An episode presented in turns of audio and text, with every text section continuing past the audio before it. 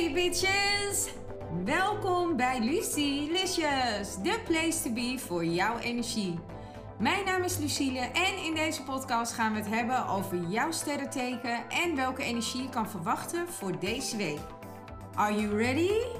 Let's go!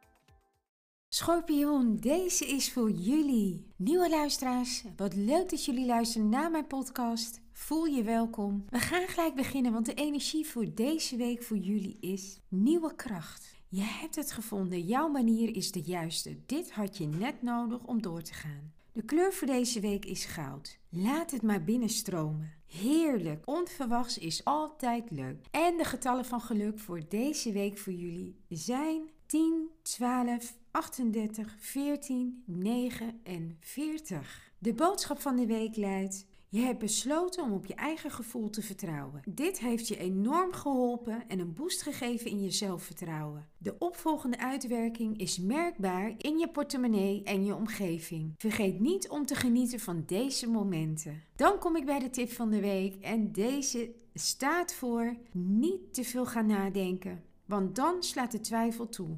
Blijf in het gevoel en luister daarnaar. Het vertelt jou precies of iets juist is of niet.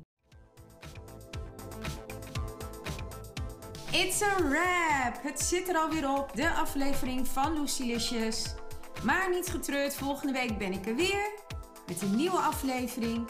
Bedankt voor het luisteren en jullie support. Tot volgende week. Tot Lucilicious!